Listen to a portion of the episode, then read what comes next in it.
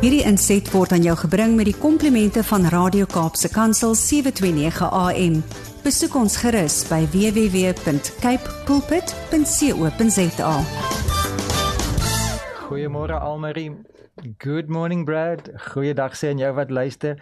Dankie dat jy wat luister vir my so om so wat 10 minute van jou tyd gee en ek glo jy maak 'n belegging want hierdie gesprek, hierdie 88ste keer wat ons oor bome praat. Ek weet dit is vir my waardevol gewees om my gedagtes myself voor te berei op hierdie gesprek en ek wil glo dat dit wat ek gaan deel vir jou ook van waarde kan wees. Siende dat dit die 88ste keer is wat ons oor bome praat, uh, wil ek vir jou eerstens die titel gee en daarna wil ek vir jou sê wat in die wêreld en wat in my lewe gebeur het en ons wil 'n bietjie praat oor 'n spesifieke boom. En in hierdie geval wil ons praat oor die Rateltaai Rosyntjiebos. Die Rateltaai Rosyntjiebos. In 1988, the Soviet Red Army withdraws from Afghanistan. Also in 1988, a Libyan terrorist bomb explodes on Pan Am jet over Lockerbie in Scotland.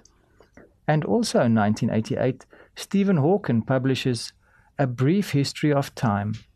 Stephen Hawking wat gereken word as een van die mees intelligente uh denkers van van die afgelope tyd uh het in daai boek sal waarskynlik heelwat feite bevat, moontlik heelwat filosofie en uh van dit mag dalk gereken word as fiction.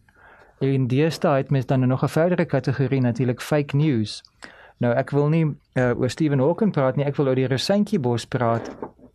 En dit is 'n struik of klein boontjie wat wyd versprei in die bosveld reg deur die binneland van Suid-Afrika voorkom. Die spesies ook inheems in Angola, in Botswana, Eswatini en Namibië. Dit word ongeveer 2 meter hoog en dra geel stervormige blomme en oranje-bruin vrugte. Bietjie meer oor die vrugte binnekort. Die streek staan ook bekend as die fluweel rosyntjie of die fluweel rosyntjie bos. Dit staan ook bekend as die wilde rosyntjie, die brandewynbessie of die wilde rosyntjie. Ander in inheemse name sluit in Moretla, dis nou die Sotho and the brandy bush. Nou ja, brandy, brandewyn, brannas uh as as jy nou um, vir 'n man wat um, 3 4 5 uh, van daardie um, uh, sterk glase gegeurde drank in het as jy vir hom die volgende feite gaan gee is dink ek sal hy meer geneig wees om dit te glo maar jy wat luister jy gaan agterkom dat ek is nou besig hierso met 'n gerug in uh, 2023 noem ons dit 'n gerug in die laat 70e jare sou ons dit 'n rumor genoem het nou uh, net mense wat Fleetwood Mac ken sal weet hoekom ek sê sê dit is nie was was 'n rumor genoem en dan deesdae ook dan nou fake news. Nou die onwaar gerig, die rumor, die fake is dat rosyntjies word van die rosyntjiebos geoes. Dat uh, die rosyntjiebos staan dan in volle vrug en dan kan jy sultanas en uh, groot rosyntjies en klein rosyntjies kan jy dan nou oes van hierdie bos af. Uh, ek dink jy moet heelwat brandewyn in hê voordat jy my sal glo van ons weet mos nou dat rosyntjies is druiwe wat 'n sineween instorting gehad het. Ag ek bedoel druiwe wat uh, gedroog is en dan nou uh, as lieflike rosyntjies so geurig en so voedsaam uh, versprei en verkoop word. Nou ja, hoekom ek so oor die brandewyn gaande is is dat uh, soos wat ons in 'n vorige gesprek gesê het, was ek nou op hierdie stadium van my lewe in 1988 was ek 'n dienspligtige en saam met diensplig en 'n klomp militêre en 'n klomp ander uh, opleiding kom daar ook blootstelling aan dinge wat vir party van die manne heeltemal natuurlik was, maar wat vir my totaal kultuurvreemd was. Uh dit is natuurlik dat na ure is brandewyn deel van baie gesprekke. Uh, ek het nou maar vroeg in in in hierdie proses besef dat as ek 'n uh, Fanta Orange drink, dan weet almal wat ek drink, want as ek 'n Coke drink, dan weet hulle nie is is daai Coke nou 'n brandewyn en Coke of is dit nou net 'n Coke nie. Maar Fanta Orange kon al die manne sien, nee, hierdie ou is 'n Max Kapie, uh, hulle, hulle hulle verstaan wat waarmee hierdie ou besig is. Maar in my tweede jaar van diensplig wat ons toe nou 'n groot deel daarvan in Suidwes gespandeer het. Suidwes was op daai stadium nog nie Namibië nie. Dit was nie meer Duitswes nie, dit was toe nou Suidwes en toe later het dit Namibië geword. En waar ek 'n uh, uh, aantal weke en ek dink 'n paar maande in Angola aan die suide van Angola deur deurgebring het, het ons as syners op 'n stadium in 'n ratel, dit is 'n gepantserde voertuig met 6 reuse groot wiele en 'n geweldige sterk staal uh, uh, body en 'n nog meer sterker amazing engine met 'n fantastiese radkas het ons daar in die suide van Angola uh, rondgejaag. Letterlik gejaag want 'n ratel is vinnig. Ek kan nie onthou of sy topspoed 120 of net 100 is nie, maar op op, op daai grondpaaie en plekke waar daar nie is paaie is nie, is dit 'n groot spoed. En ons drywer wat van die van die mechanized infantry afgekom het, 'n uh, ouetjie van ek dink hy was 18. Ek dink nie hy was net nog meer 17 nie, maar hy was hy, hy was 'n klein kort laitie, op en wakker ouetjie met met nie 'n bang haar op sy kop nie, maar ook nog nie enige lewenservaring nie. Die drywer het agtergekom dis baie vinniger om reguit bo oor 'n boom te ry as om om 'n boom te ry. En tot my skande en tot my tot my ehm um, uh, ewige berou, uh, moet ek sê dat ek het dit geniet dat ons daai bome so plat gery het.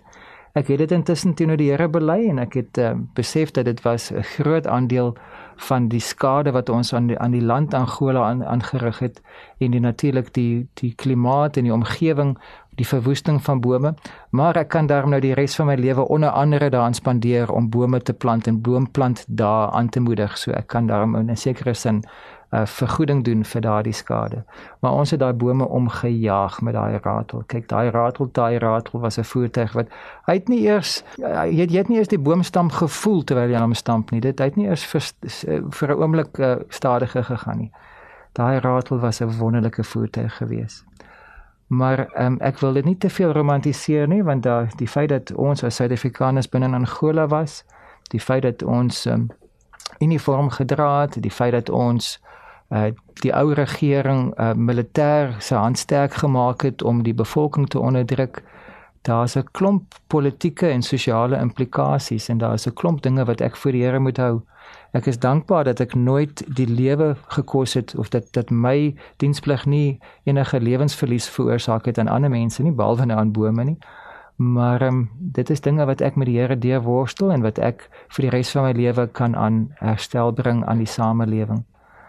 Maar um, daar kom tye in in my lewe wat ek mismoedig is. Daar kom tye in baie van die dienspligtiges se lewens was daar tye gewees en baie van die ekstaande magmanne en van die spesmagmanne wat neerslagtig geword en wat brandewyn dan nou uh, hulle nie dat uh, bring by die punt waar hulle glo dat rosyntjies groei in 'n rosyntjiebos nie, maar wat dit vir hulle bring tot by die punt waar hulle vergeet. Dit vat nie die pyn weg nie, dit vat nie die swaarheid weg nie. Dit laat bring net vergeet in my eie dierbare pa het ek gesien hoe ek op op op op, op hoe vroeg in die hoërskool hoe hy 'n uh, drank gebruik het om die pyn van van sy een kind se dood. Ons het gepraat van Konrad Nagel wat stilgebore is. Hy het op 'n stadium daai pyn probeer verwerk met 'n klomp bier en 'n klomp pynpille gelyktydig in sy bloedstroom. Maar genadiglik het hy na die Here toe gedraai, die bier neergesit in in meer as 40 jaar nog nooit weer sy lippe aan drank gesit nie maar ek ken die verlange daarna om pyn stil te probeer maak. En ek besef dat alkohol kan pyn stil maak vir 'n tydjie. Maar daar is 'n beter manier om die pyn stil te maak en dit is om binne toe te gaan. En Psalm 88 is 'n vreemde plek om te gaan hulp of raad soek of hoop soek want dit is een van die mees hartseer psalms van al die psalms in die hele Bybel. Maar steeds bring dit ons by 'n punt waar ons eerlik voor die Here kan wees en dit is waar daar verligting en ook genesing van pyn kom die plek waar ons eerlik raak met onsself en eerlik voor die Here is. Psalm 88.